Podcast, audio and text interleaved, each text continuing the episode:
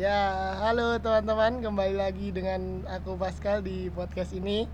Eh, di sini aku akan membahas tentang eh, tema yang kedua yaitu kemas keorganisasian dalam perguruan tinggi atau mahasiswa.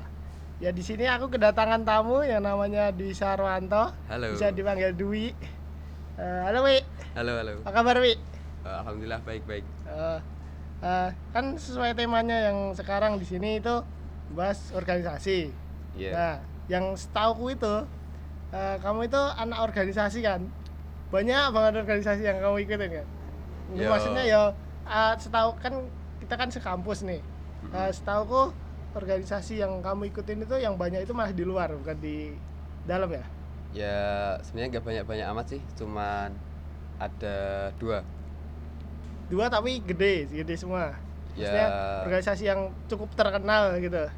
Ya lumayan lah, lu- lumayan, lumayan Eh. terkenal. Terus eh, kamu di organisasi itu kerjanya ngapain?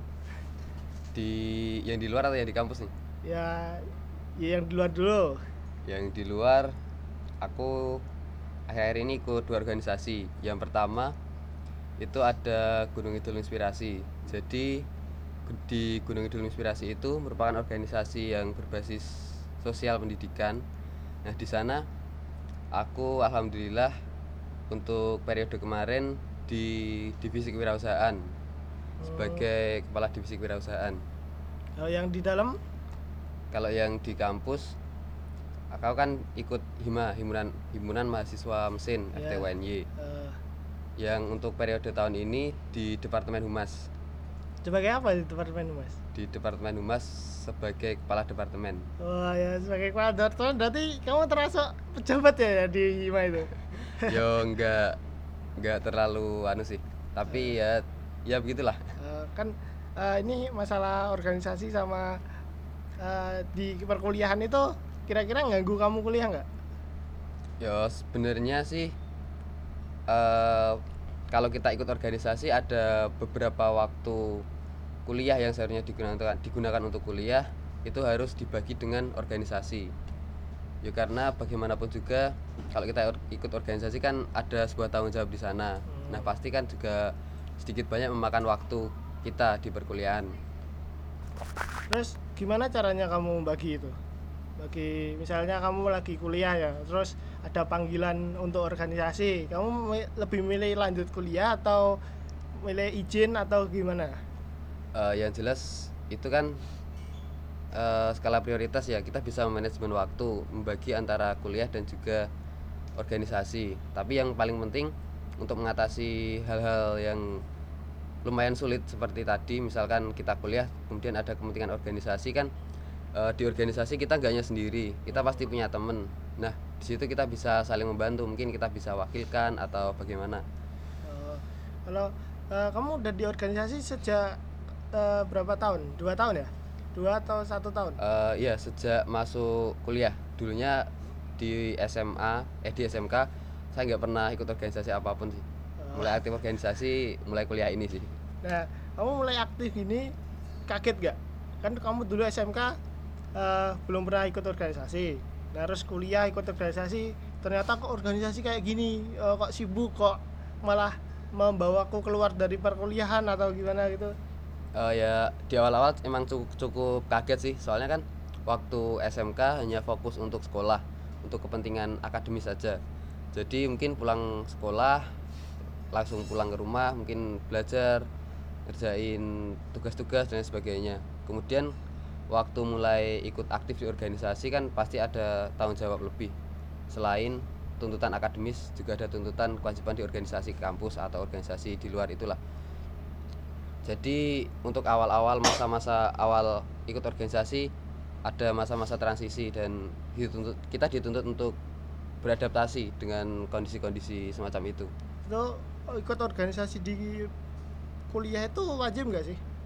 Sebenarnya nggak wajib, tapi kalau menurut saya itu sangat penting dan sangat-sangat dibutuhkan untuk melatih skill-skill ataupun kemampuan-kemampuan yang sebenarnya nggak dapat nggak kita dapatkan di perkuliahan. Kan tadi kamu ikut dua organisasi yang berbeda kan. Hmm. Apalagi yang satu di dalam, yang satu di luar. Nah, kira-kira ada perbedaannya nggak antara dua organisasi itu? Perbedaan yang paling mencolok lah. Selain yang satu di luar, yang satu di dalam.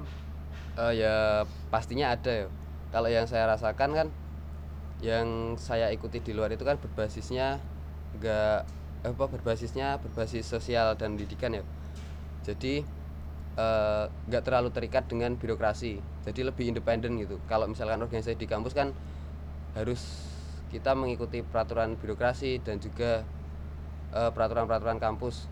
Dan bahkan apa namanya kebijakan-kebijakan kita, proker-proker kita itu pun juga harus mengikuti paling nggak sejalan dengan kebijakan-kebijakan kampus dengan eh, visi misi kampus dan sebagainya. Sedangkan kalau kita ikut organisasi di luar itu kebanyakan eh, independen. Jadi eh, arah pergerakan dan juga apa namanya program kerja program kerjanya itu Dibangun sendiri. dibangun gitu. sendiri sesuai dengan tujuan awal dibentuk organisasi tersebut. Terus eh, pesanmu untuk mahasiswa-mahasiswa yang mendatang yang mau masuk ke perguruan tinggi gimana dan terhadap kegiatan-kegiatan yang ada di kuliah? Eh, terkait organisasi ya kalau eh, buat teman-teman yang eh, mahasiswa baru atau mahasiswa angkatan 19 ya sekarang ya 2019 Ya 19 Nah, itu- dan seterusnya dan berarti. oh ya, dan seterusnya eh, saya saranin untuk ikut organisasi lah karena itu sangat penting banget. Eh, dulu ya eh, boleh cerita ini? Ya ya cerita-cerita jadi dulu santai, waktu PKKMB curhat ya sudah sedikit lah. PKKMB itu kan eh, kita dikumpulin per kelompok-kelompok ya. Santai. Ya. ada sesi yang namanya sesi perkenalan. Nah itu dulu saya disuruh kenalan aja sumpah dedek banget itu Oh, gugup gitu gugup sangat-sangat gugup. Dan karena memang nggak pernah eh, bicara di depan umum di depan forum nggak pernah bicara di depan orang lain orang banyak itu sedangkan kalau kamu ikut organisasi itu kan pasti mengikuti rapat-rapat ataupun ikut kepanitiaan juga pasti mengikuti rapat. Nah di sana kamu bakalan dilatih untuk menyampaikan pendapat kemudian bagaimana caranya kita menyetujui pendapat orang lain bagaimana kita menyampaikan eh, perbedaan perbedaan pendapat kita terhadap pendapat orang lain dan sebagainya yang kemampuan-kemampuan itu nggak bisa dipelajari secara tertulis itu nggak bisa dipelajari secara teori Berarti eh, itu harus dipraktekkan gitu. Nah, itu sebenarnya harus dipraktekkan seperti skill public speaking, skill manajemen waktu, skill eh, manajemen orang, manajemen bagaimana kita manajemen teman-teman kita. Itu pun eh, harus kita lakukan kita pelajari secara praktek itu. Sangat sulit untuk dipelajari secara kita baca-baca buku dan sebagainya. Itu memang bisa tapi sangat sulit itu. Dan kemampuan-kemampuan itu pasti mau tidak mau kita asah di organisasi. Kalau kita ikut organisasi pasti kemampuan-kemampuan tadi diasah di situ. Hmm. Tapi ya jangan lupa kalau misalkan kita ikut organisasi kita harus benar-benar totalitas ya. 100% eh, mengikuti organisasi itu. Kalau misalkan kita hanya jadi istilahnya penumpang gelap di organisasi itu ya Penumpang gelap. sam- sama aja kita nggak nggak bisa mengambil ilmu, nggak bisa mengambil pelajaran yang eh, ingin kita dapatkan Ah, iya. saat kita tujuan kita bergabung ke organisasi. Eh, itu tadi kan kamu nyebutin penumpang gelap kan. Mm-mm. Menurutmu gimana tentang penumpang gelap itu? penumpang gelap di organisasi ya. Ya. ya itu setiap dalam setiap organisasi pasti ada sih Eh, kan kepala orang beda-beda. Nah pasti ada. Ya kepalaku beda, kepalamu beda. nah iya. Isi isinya pun beda-beda. Jadi mungkin ada Isinya kan sama-sama out. ya tapi kan cara pemikirannya beda-beda. Iya, jadi iya. setiap orang gabung organisasi itu tujuannya mungkin beda-beda. Ada yang ingin mengabdi ada yang ingin dijadikan sebagai Batu istilahnya loncatan. batu loncatan. Nah bener batu loncatan. Ada yang cuman pengen ikut-ikutan ada yang ada yang cuman pengen memperpanjang CV nah. CV ya. Nah ya kan biasanya di CV ditulis tuh Oh, mungkin ada iya, yang pengen iya. memperpanjang itu nah maka dari itu harus kita hindari.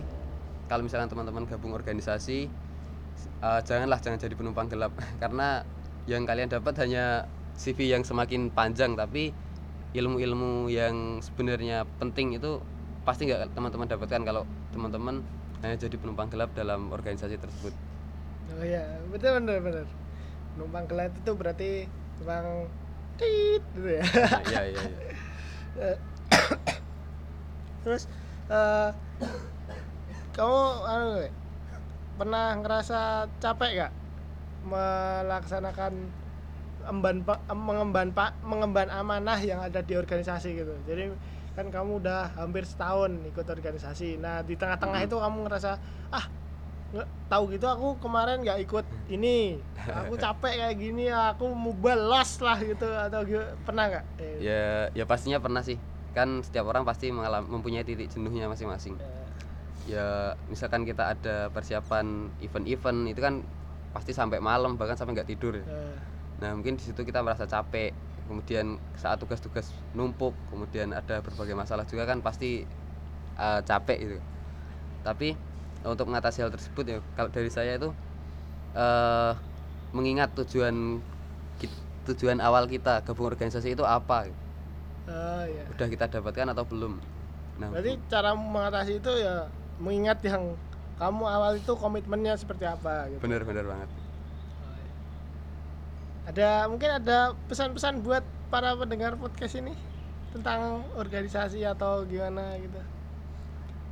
Eh, organisasi itu me- melelahkan, memakan waktu kita yang seharusnya kita enak-enak tiduran di kos, kita liburan dan sebagainya, mungkin kita malah ngurusin event. Tapi di balik itu semua tanpa kalian sadari, kalian akan mendapatkan sesuatu yang lebih yang nggak bisa didapatkan oleh teman-teman yang nggak ikut organisasi. Ya di antaranya seperti yang saya katakan tadi, misalkan public speaking, relasi, kemudian manajemen waktu, manajemen orang, dan lain-lain dan masih banyak lagi. Oh. Ya ini waktunya udah lumayan lama kita ngobrol-ngobrol ya, Pak ya. Iya. Eh, ya mungkin itu tadi sedikit obrolan dengan Dwi Saranto yang menurutku dia berpengalaman di organisasi ya mungkin sekian podcast hari ini mungkin kita lanjut ke episode selanjutnya selamat tinggal untuk dua Ya, sampai jumpa. ya sampai jumpa. Dadah